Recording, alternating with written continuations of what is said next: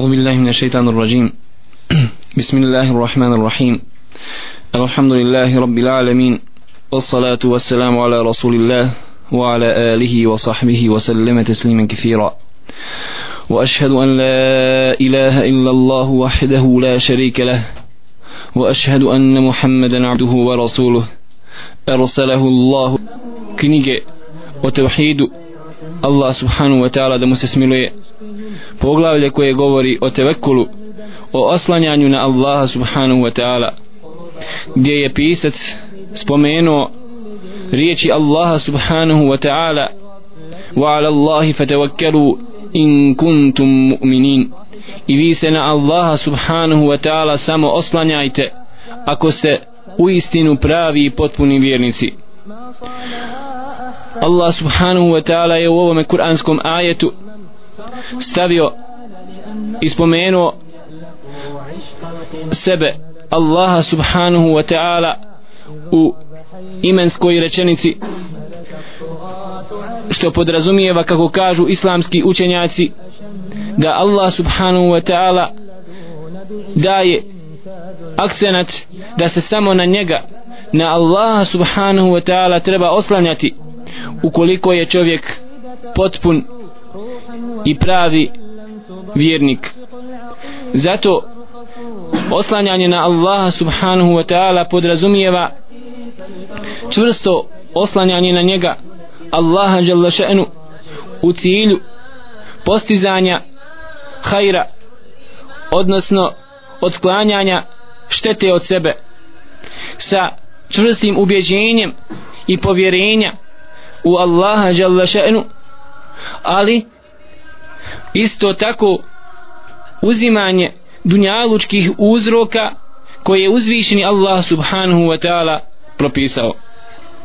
Dragi brati i sestro treba da znaš da oslanjanje na Allaha subhanahu wa ta'ala podrazumijeva čvrsto oslanjanje na njega povjerenje u čovjekovom srcu u Allaha jalla še'nu. Ali s druge strane to nije dovoljno da bi naše oslanjanje na njega Allaha Đalešenu bilo ispravno nego potrebno je da čovjek uzme i dunjalučke uzroke. Jer Allah subhanahu wa ta'ala je postavio ovdje na dunjaluku određene uzroke koji su povezane sa nekim drugim stvarima.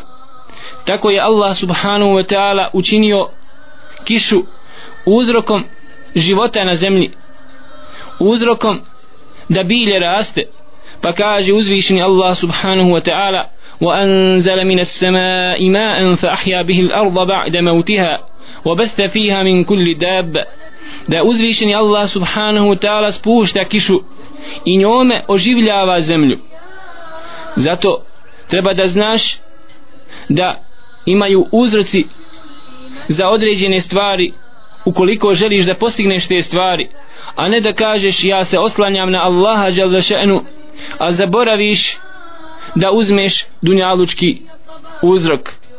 Uzvišeni Allah subhanahu wa ta'ala je dao bolest ali je za svaku bolest dao i lijek. Pa kaže Allahu poslanik sallallahu alaihi wa sallam lam yanzal illah da'an illa anzala lahu šifa nije Allah subhanahu wa ta'ala spustio ni jednu bolest a da joj nije dao lijeka osim jedne bolesti kako kaže Allahu poslanik sallallahu alaihi wa sallam قالوا يا رسول الله وما هو pa su pitali ashabi Allahu poslanika sallallahu alaihi wa sallam koja je to bolest od koje nema lijeka pa je rekao Allahu poslanik sallallahu alaihi wa sallam el heron da je to starost zato treba da znaš da je dova uzrok određeni otklanjanja nesreći sa čovjekovog iz čovjekovog života. Tako kažemo da Allah subhanahu wa ta'ala je povezao određene stvari ovdje na dunjaluku pa ako želiš da dođeš do tih stvari moraš uzeti i uzroke a ne samo da kažeš ja se oslanjam na Allaha jer onda to nije oslanjanje na njega nego je to pretvaranje da se čovjek oslanja na Allaha subhanahu wa ta'ala. Zato je Omer ibn Khattab radijallahu ta'ala anhu vidjevši grupu ljudi koji su došli iz Jemena na hađ upitao šta ste ponijeli od namirnica da se pripremite na vašem putovanju od jela i pića? Pa su rekli nismo ništa sa sobom ponijeli na ovom putovanju nego smo, nego smo se oslonili i prepustili Allahu subhanahu wa ta'ala. Pa je rekao Omer ibn Khattab radijallahu ta'ala anhu niste vi se oslonili na Allaha jalla še'nu nego se vi pretvarate da se oslanjate na njega. Zato treba da znaš dragi brate i sestro da bi tvoje oslanjanje Allaha subhanahu wa ta'ala bilo ispravno moraš svojim srcem imati povjerenja u Allaha jalla da onu stvar koju se prepustio njemu zavisi isključivo od njega. Ali s druge strane da radiš i dunjalučke uzroke koje Allah subhanahu wa ta'ala propisao i naredio. Jer pametan čovjek vidi da vatra sagorijeva da nož sjeće i ostale druge uzroke koje Allah subhanahu wa ta'ala postavio ovdje na dunjaluku. Ali s druge strane treba da znaš da ne smiješ oslanjati se na te uzroke jer Allah subhanahu wa ta'ala može da da da vatra ne gori i ne sagorijeva kako je učinio sa Ibrahimom a.s. kada ga je njegov narod bacio u vatru. Pa je Allah subhanahu wa ta'ala rekao vatri ja naru kuni barda wa salama. O vatru budi blaga i spasonosna hladna za Ibrahima alaihi selam treba da znaš da taj nož koji je oštar u određenom momentu može da ne radi svoju funkciju kao što je Allah subhanahu wa ta'ala razvalio taj uzrok kada je Ibrahim a.s. stavio nož na vrat svoga sina i povukao ga da ga učini kurbanom na taj način pa je Allah subhanahu wa ta'ala na taj način razvalio i poništio određene dunjalučke uzroke.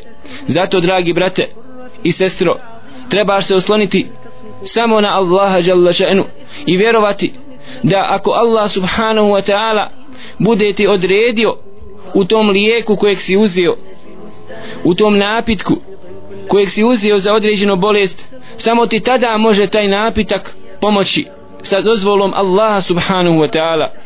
A s druge strane ako ti Allah subhanahu wa ta'ala ne bude propisao ozdravljenje u njemu može taj lijek izliječiti stotinu ljudi sa istom tom bolesti koju ti imaš ali da ti budeš stotinu i prvi koji neće se izliječiti sa tim lijekom jer je Allah subhanahu wa ta'ala taj koji daje korist i odnosno štetu u tom lijeku. I onda je pisac rahmetullahi alaihi spomenuo kuranski ajet iz sure Al-Anfal.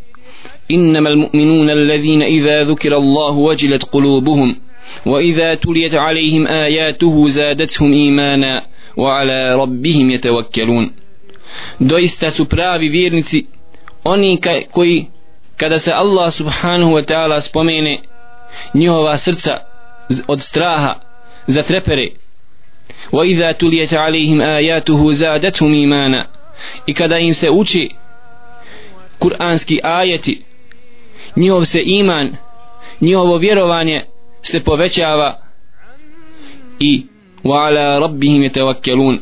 I oni se na svoga gospodara oslanjaju. Ovako je uzvišeni Allah subhanahu wa ta'ala opisao pravi iskrene i potpune vjernike da njihova srca trepere od straha prema Allahu subhanahu wa ta'ala. S druge strane njihov se iman povećava i oni se na svoga gospodara oslanjaju. Kažu islamski učenjaci da njihova srca srca vjernika zatrepere. Onda kada poželi da urade neko loše djelo da padnu u haram pa im neko dođe i kaže ittaqillah boj se Allaha subhanahu wa ta'ala. Boj se Allahove vatre. Boj se jahannama. Znaj da ćeš odgovarati pred Allahom subhanahu wa ta'ala za tu stvar.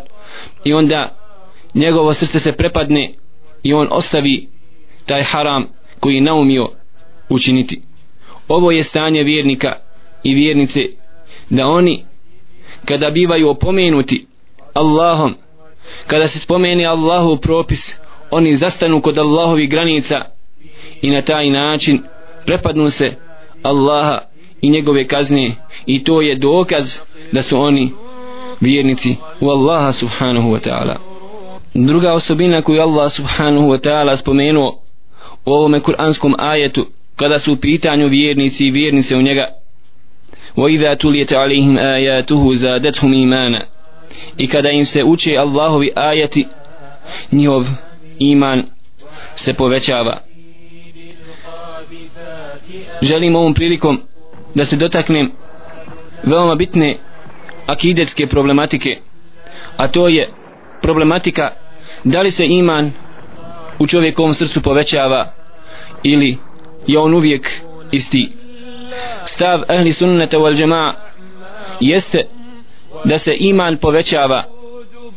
Kako jasno se vidi iz ovog kuranskog ajeta gdje Allah subhanahu wa ta'ala nedvosmisleno govori po ovom pitanju i objašnjava i pojašnjava da je jedna od najvećih osobina vjernika kada im se uči Allahovi ajeti kada slušaju Kur'an da se njihov iman poveća i to je ono što je Allah subhanahu wa ta'ala spomenuo na mnogo mjesta direktno i na još više mjesta indirektno kao recimo direktno gdje kaže Allah subhanahu wa ta'ala ولما رأى المؤمنون الأحزاب قالوا هذا ما وعدنا الله ورسوله وصدق الله ورسوله وما زادهم إلا إيمانا وتسليما kada su vjernici vidjeli stranke koji se okupile oko njih u bici na Hendeku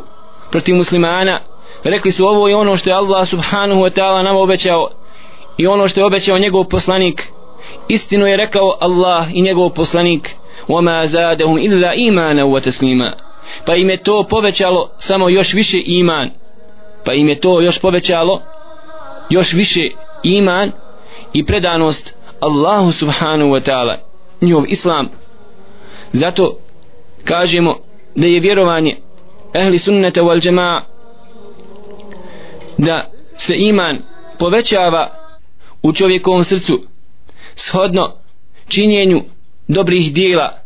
Nema sumnje kada čovjek učini neko dobro djelo kada da sadaku kada padne Allahu subhanahu wa ta'ala na seždu da izađe iz tog djela sa većim i jačim imanom a kada učini neki haram da nas Allah subhanahu wa ta'ala sačuva od griješenja osjeti da mu je iman opao. I to svaki čovjek vjernik i vjernica mogu vidjeti na sebi. Allah subhanahu wa ta'ala također opisuje stanovnike pećine one mladiće. Opisuje Allah subhanahu wa ta'ala da im je Allah povećao iman i uputu. Također imamo mnogo haditha Allahu poslanika sallallahu alaihi wa sallam koji jasno upućuju na to da se vjerovanje povećava u čovjekovom srcu. Tako imamo hadith koga bilježi imam i Buharija i Muslim od Ebu Huriri radijallahu ta'ala anhu da je rekao Allahu poslanik sallallahu alaihi wa sallam al imanu bidon wa seb'una au bid'un wa sittuna šu'ba fa afdaluha qavlun la ilaha illa Allah wa adnaha imatatu al-adha an tariq wal ahya šu'ba min al iman. Ti kaže Allahu poslanik sallallahu alaihi wa sallam iman vjerovanje ima odnosno sadrži 70 i nekoliko ili 60 i nekoliko stepena. Najveći stepen je riječi la ilaha illallah a najmanji stepen vjerovanja jeste da čovjek ukloni sa puta ono što uznemirava muslimane. Wal haja šu'abetun minal iman. A stid je također jedan dio imana.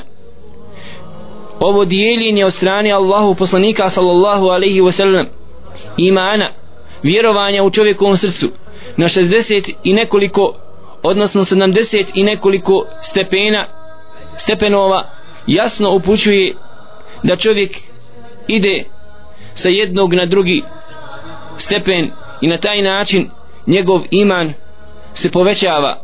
Povećava se shodno njegovoj pokornosti prema Allahu subhanahu wa ta'ala izvršavanjem njegovih naredbi a smanjuje se shodno griješenju prema Allahu subhanahu wa ta'ala. Također draga braćo i sestre jedna od stvari koja upućuje na to da se iman povećava i smanjuje jeste i to što je Allah subhanahu wa ta'ala napravio razliku između poslanika i ostalih ljudi koji su bili najpotpunijeg i najboljeg i najvećeg imana. Tako da su od njih bili neki opet bolji nad ostalim. Tako da je iman Muhammeda sallallahu alaihi wa sallam najbolji i najpotpuniji i najveći u odnosu na ostale poslanike. Kao što je iman Abu Bekra radi Allahu ta'ala anhu najveći i najbolji i najpotpuniji u odnosu na vjerovanje bilo koga drugog od ummeta Muhammeda sallallahu alaihi wa sallam. Također Allah subhanahu wa ta'ala je odlikovao neke ashabe nad drugima. Odlikovao je učesnike bedra nad drugim ashabima. Odlikovao je neke generacije nad drugima pa odlikovao generaciju ashaba nad generacijama koji su došle iza njih. Sve ove stvari upućuju draga braćo i sestre da se iman povećava i da je različit kod ljudi. Kao što bi bilo također absurdno da usporedimo nekog pijanicu koji pije alkohol ili nekog nekoga ko čini blud da ga usporedimo sa nekim ko to ne čini i da kažemo da je njihov iman isti. Nema sumnje da čovjek pametan ako malo bolje razmisli vidjet će da su ovaj i onaj na različitom stepenu imana. Međutim ovom prilikom također želim da napomenem izuzetno bitnu problematiku kada je u pitanju iman a to je draga braćo i sestre da čovjek koji čini veliki grije bilo da se radi o pijenju alkohola ili bludu ili krađi ne izlazi iz Allahove subhanahu wa ta'ala vjere samim tim činom. Čovjek koji počini blud ne izlazi iz vjere samim činjenjem bluda. Ne izlazi iz vjere ukoliko bi ukrao. Ne izlazi iz vjere ukoliko bi počinio bilo koji drugi veliki grijeh sve dok kako kažu islamski učenjaci ne bude dozvolio i ohalalio vjerovao da je to dozvoljeno da čovjek uradi. Jedinje kamate ukoliko čovjek to uradi jeste jedan od najvećih grijeha ali čovjek koji to uradi ne izlazi iz vjere sve dok ne bude rekao da je kamata dozvoljena.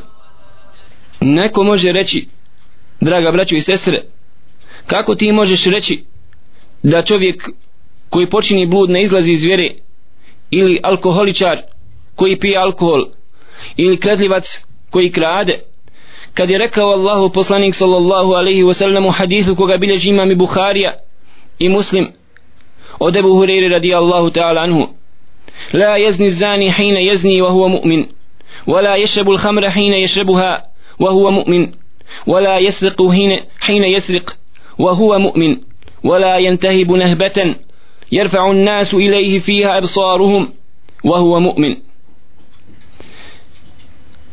da čovjek kako kaže Allahu poslanik sallallahu alaihi wa sallam čovjek koji čini blud dok čini blud nije vjernik. Niti čovjek alkoholičar dok pije alkohol nije mu'min nije vjernik. Niti čovjek koji krade u momentu dok krade nije vjernik. wala yantahibu nahbatan yarfa'u an-nasu ilayhi fiha absarahum wa huwa mu'min niti čovjek koji otvoreno na putu ne stide se nikoga ukrade ili otme od nekoga nešto a da je vjernik kako kaže Allahu poslanik sallallahu alejhi ve sellem. Iz ovog hadisa može se vidjeti da vanština njegova upućuje da čovjek koji učini neki od ovih harama od ovih velikih grijeha u momentu dok ih čini da nije vjernik. Međutim draga braćo i sestre trebamo znati da iđma ummeta stav cijelokupnog stav svih islamskih učenjaka da čovjek bludnik ukoliko bi umro da mu se klanja dženaza. Takođe pijanica. Takođe čovjek kradljivac. Iđma ummeta jeste da se tom čovjeku klanja dženaza također iđma ummeta da se on nasljeđuje da ga nasljeđuje njegov sin musliman i njegova žena muslimanka. A vi znate da je stav cijelokupni islamski učenjaka da se nevjernik ne nasljeđuje da vjernik ne može naslijediti nevjernika. Međutim vidjeli smo da to nije slučaj sa pijanicom niti sa bludnicom sa bludnikom niti sa kradljivcom ili sa nekim drugim koji čini veliki grije tako da kažu islamski učenjaci draga braćo i sestre da čovjek u ovom slučaju u ovom slučaju je izložen kazni Allah subhanahu wa ta'ala ako bude preselio na dunja, sa dunjaluka a ne bude se pokajao Allahu subhanahu wa ta'ala. Da je on pod voljom Allaha jalla še'nu. Ako ga bude Allah subhanahu wa ta'ala htio uvesti u džennet nakon što mu oprosti i smiluje mu se. Ako bude htio Allah subhanahu wa ta'ala htio da ga ostavi određeno vrijeme u vatri pa nakon toga nakon što ga očisti Allah subhanahu wa ta'ala u vatri od grijeha uvest će ga onda u džennet. Ali njemu je džennet zagarantovan pod uslovom da je umro kao musliman da je umro sa la ilaha illallah. Jer kaže Allahu poslanik sallallahu alaihi wa sallam u hadithu koga bilježi imam i Bukharija i muslim od Ebu Zerra radijallahu ta'ala anhu. Men kale la ilaha illallah dakhala al wa in zana wa in sariq ko bude rekao la ilaha illallah ući će u džennet kaže Allahu poslanik sallallahu alaihi wa sallam pa makar činio blud pa makar krao pa se Ebu Zer radi Allahu ta'ala anhu začudio. Allahu poslaniće rekao je čak i ako bude činio blud iako bude krao pa je rekao Allahu poslanik sallallahu alaihi wasallam pa makar činio blud i makar ukrao pa je ponovio i po treći put Ebu Zer radi Allahu ta'ala anhu pa je ponovio Allahu poslanik sallallahu alaihi wasallam i po treći put ovaj hadis i rekao uprkos uprkos Ebu Zerru zato dragi brate treba da znaš ukoliko umreš kao musliman sa la ilaha illallah tebi je džennet zagarantovan. Ali s druge strane treba da znaš da je Allahova subhanu wa ta'ala kazna žestoka. Treba da znaš dragi brate i sestro da ne možeš vidjeti čovjeka da učini neki haram da na veće ukrade a da ujutru ustane i klanja saba namaz. Nećeš to vidjeti. Jer kako kažu islamski učenjaci grijesi su sredstvo do kufra nije sam grijeh po sebi kufr kao što smo u ovom slučaju vidjeli. Ali problem je u tome što taj grijeh proizilazi iz njega još jedan i još deset i još stotinu grijeha koji će proizvesti taj grijeh dok na kraju čovjek ne bude ostavio potpuno i namaz i potpuno se odmetnu od Allahove subhanahu wa ta'ala vjere dok na kraju ne bude šeitan uzjahao njega i s druge strane odveo ga i izveo ga potpuno iz Allahove subhanahu wa ta'ala vjeri da na taj način počne mrziti Allaha subhanahu wa ta'ala i mrziti Allahu poslanika sallallahu alaihi sallam mrziti muslimane i na taj način izađe iz Allahove subhanahu wa ta'ala vjeri a možda je počeo sa malim grijesima samo. Iz spomenutog kuranskog ajeta iz suri Al-Anfal وإذا تليت عليهم آياته زادتهم إيمانا. Imana i kada se uče vjernicima kuranski ajeti njihov iman se povećava.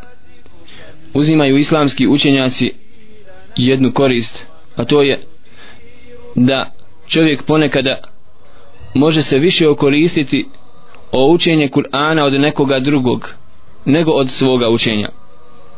Kao što recimo da čovjek čuje nekada određeni kuranski ajet od svoga brata ili sestra od svoje sestre pa da se okoristi o njega više nego da bi ona sama proučila ili proučio taj kuranski ajet.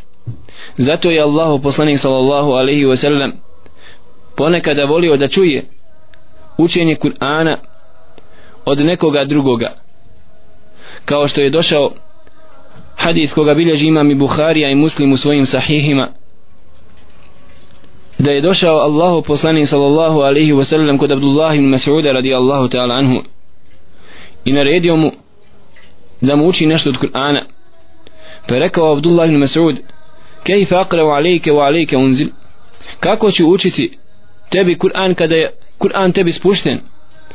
Pa je rekao Allahu poslanik sallallahu alaihi wa sallam inni uhibbu an asma'a min gajri ja volim da čujem učenje Kur'ana od nekoga drugoga pa je proučio Abdullah bin Mas'ud radijallahu ta'ala anhu određeni dio Kur'ana dok nije došao do Kur'anskog ajeta i sura Nisa فكيف إذا جئنا من كل أمة بشهيد وجئنا بك على هؤلاء شهيدا kako kada budemo došli sa svjedokom nad svakim ummetom na sudnjem danu i budemo sa tobom o Muhammeda sallallahu alaihi wa sallam došli na sudnji dan kao svjedokom nad tvojim ummetom. Pa je rekao Allahu poslanik sallallahu alaihi wa sallam hasbuk dosta. Pa je pogledao Abdullah ibn Masud radi Allahu ta'ala anhu u lice Allahu poslanika sallallahu alaihi wa sallam. Allahu poslanik sallallahu alaihi wa sallam je već plakao. I onda je rekao Allahu subhanahu wa ta'ala wa ala rabbihim yatawakkalun.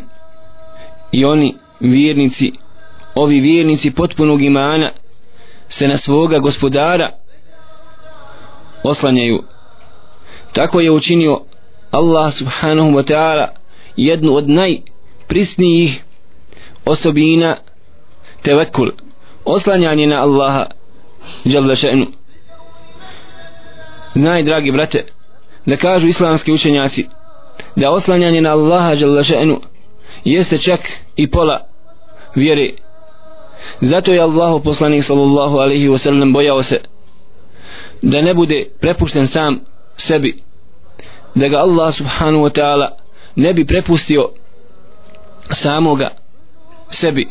Zato se uticao Allahu subhanahu wa ta'ala od toga i tražio je يا حي يا قيوم برحمتك أستغيث وأصلح لي شأني كله ولا تكلني إلى نفسي طرفة عين O ti koji si vječno živ tvojom milošću ja te molim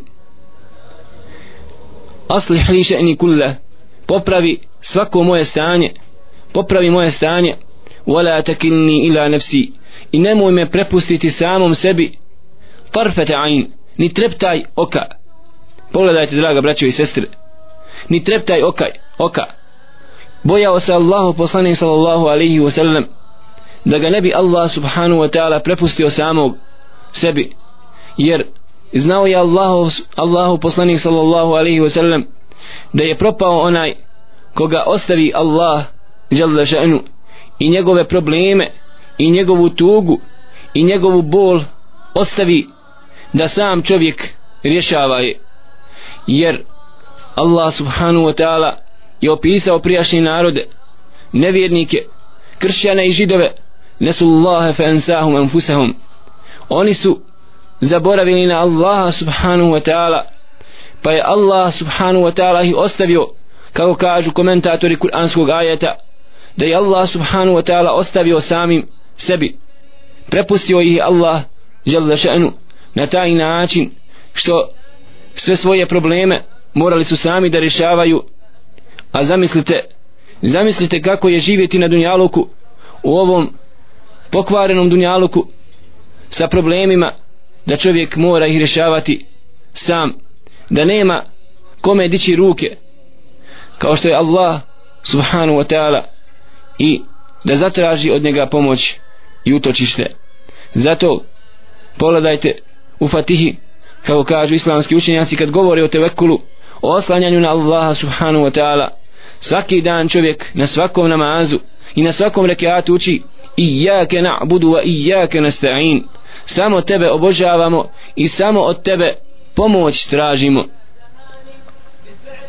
rekao je Allah subhanahu wa ta'ala يا أيها النبي حسبك الله ومن اتبعك من المؤمنين o poslaniće Allah ti je dovoljan i Allah je dovoljan onima koji tebe slijedi. Ovo je jedno prvo mišljenje mu fesira komentatora Kur'ana kada je u pitanju ovaj kuranski ajet. Što znači o Allahu poslaniće dovoljan ti Allah i dovoljan je Allah subhanahu wa ta'ala vjernicima koji su uz tebe tvojim ashabima. Dok drugo mišljenje mufessira komentatora Kur'ana kada je u pitanju ovaj kuranski ajet glasi o poslaniće dovoljan ti je Allah i dovoljni su, tu, su ti vjernici. Dovoljan ti je Allah i dovoljni su ti vjernici. Međutim Ibnul Qayyim rahimahullahu ta'ala kategorično tvrdi da ovo drugo mišljenje drugo značenje ovog kuranskog ajeta je neispravno što znači da je Allah subhanahu wa ta'ala sam dovoljan Allahom poslaniku Muhammedu sallallahu alaihi wa sallam i da je Allah subhanahu wa ta'ala dovoljan vjernicima.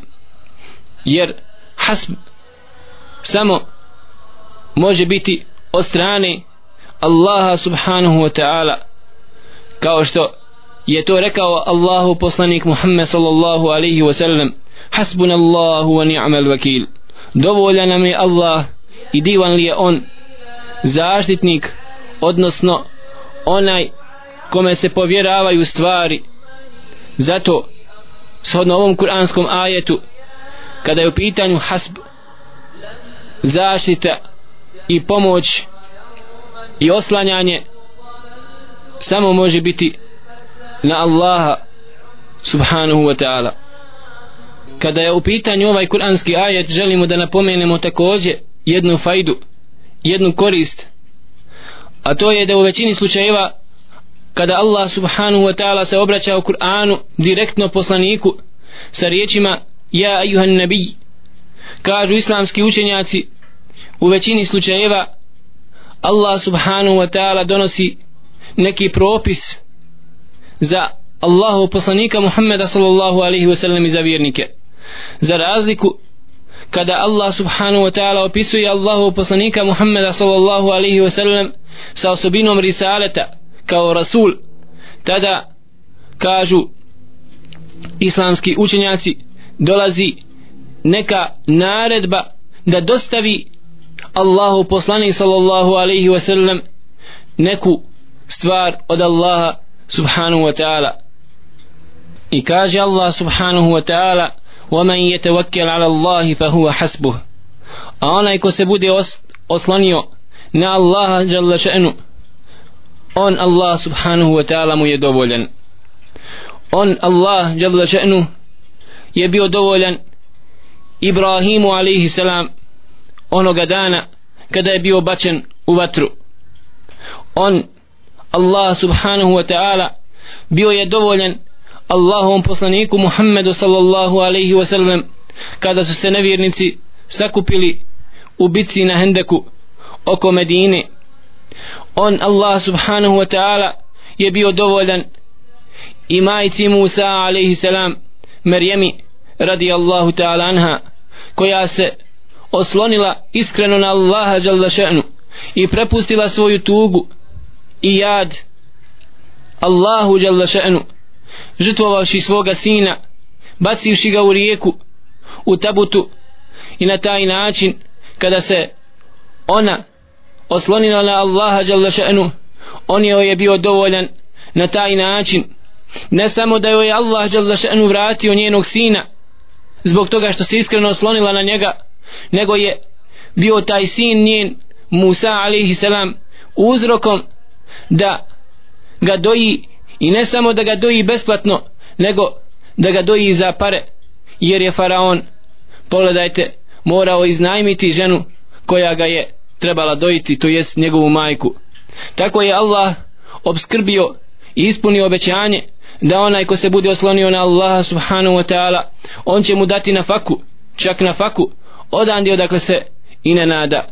Pa ako znaš dragi brate i sestro da je Allah subhanahu wa ta'ala zaštitnik i štićenik i onaj na koga se čovjek treba osloniti u nafaci.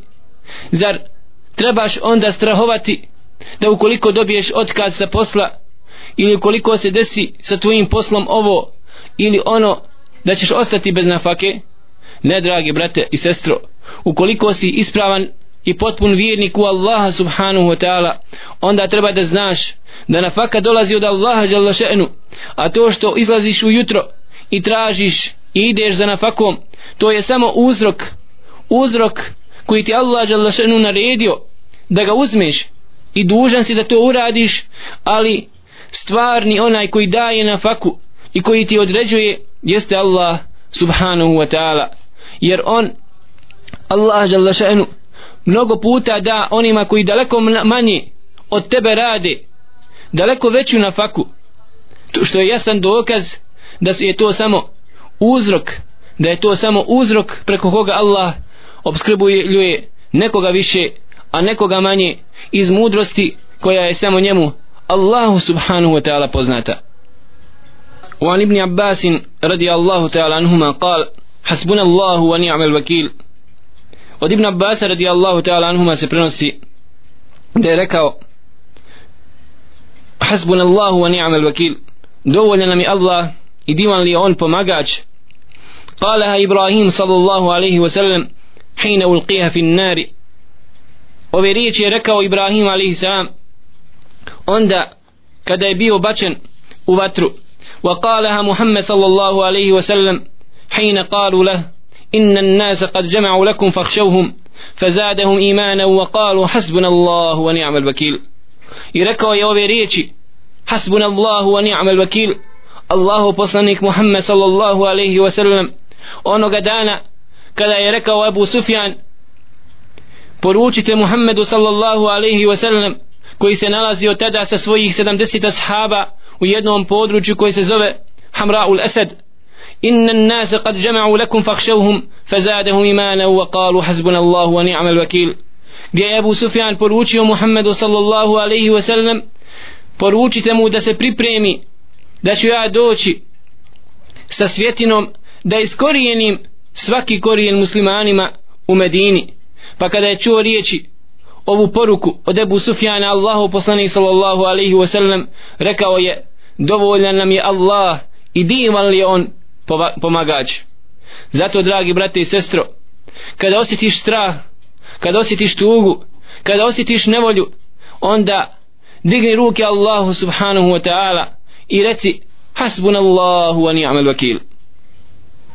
Molim uzvišnog Allaha subhanahu wa ta'ala da primi od svih vjernika i vjernica dobra djela da nam oprosti naše grijehe i da nas uvede sa našim roditeljima sa dobrim ljudima sa poslanicima u džennet ono što čovjek pogodi jeste uspjeh od Allaha subhanahu wa ta'ala a ono što pogriješi jeste od šeitana i od njega samoga أقول قولي هذا واستغفر الله لي ولكم ولسائر المؤمنين فاستغفروه إنه هو الغفور الرحيم